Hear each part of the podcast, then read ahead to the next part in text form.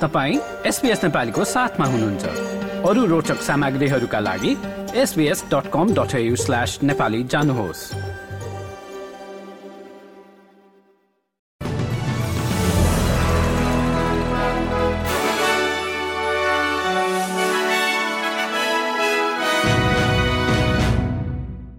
नमस्कार आज मङ्गलबार दुई जनवरी सन् दुई हजार चौबिस। अब पालो भएको छ एसबीएस नेपालीमा। आजका प्रमुख अस्ट्रेलियन समाचारहरू सुन्ने। प्रसङ्ग सुरु गरौं क्विन्सल्याण्डबाट क्विन्सल्याण्डको आपतकालीन सेवाले राज्यको दक्षिण पूर्वीय ब्रिस्बेन र सनसाइन कोस्टका बासिन्दाहरूलाई भारी वर्षाको पूर्वानुमान गर्दै बाढीको जोखिमबाट सतर्क रहन आग्रह गरेको छ। क्याप्रिकर्निया र राज्यका दक्षिण पूर्वी तटीय क्षेत्रहरूका लागि बाढीको निगरानी जारी गरिएको साथै लोगन र अल्बर्ट नदीहरूमा मध्यम बाढी चेतावनीहरू लागू भएका छन् भने नरेङ र कुमेरा नदीहरूको लागि पनि थप चेतावनी दिइएको छ।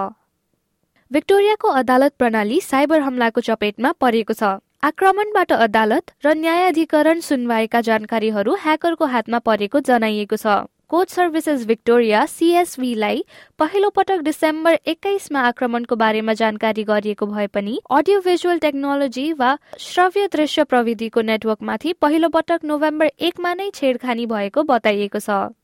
जनवरी एकमा आफ्नो जलिरहेको अपार्टमेन्टभित्र फेला परेका सिडनीका एक मानिसको गम्भीर चोटका कारण अस्पतालमा मृत्यु भएको छ।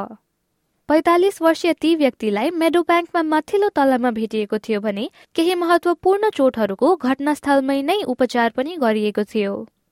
सरकारको वेब विरोधी कानूनको पहिलो चरण आज जनवरी एकदेखि लागू भएको छ।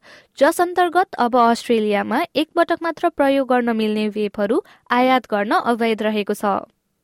यो परिवर्तन तम्बाकु र निकोटिन उद्योगहरूमाथि कार्यवाही गर्न र सन् दुई हजार पच्चिससम्ममा राष्ट्र धुम्रपान दरलाई दस प्रतिशत भन्दा कम गर्न सरकारले गत वर्ष ल्याएको कानूनको एक भाग रहेको बताइएको छ। अब खेलकुदमा फुटबल। लिभरपुलका लागि न्यू क्यासललाई चार दुईले पराजित गर्दै मोहम्मद सलाह अफ्रिका कप अफ नेसन्समा खेल्ने भएका छन्। जितसँगै लिभरपुलले प्रिमियर लिगको शीर्ष स्थानमा तीन अङ्कको अग्रता बनाएको छ।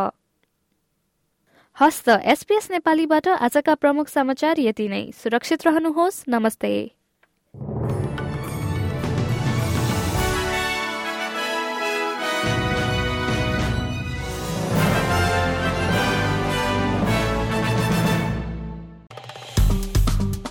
लाइक र कमेन्ट गर्नुहोस्।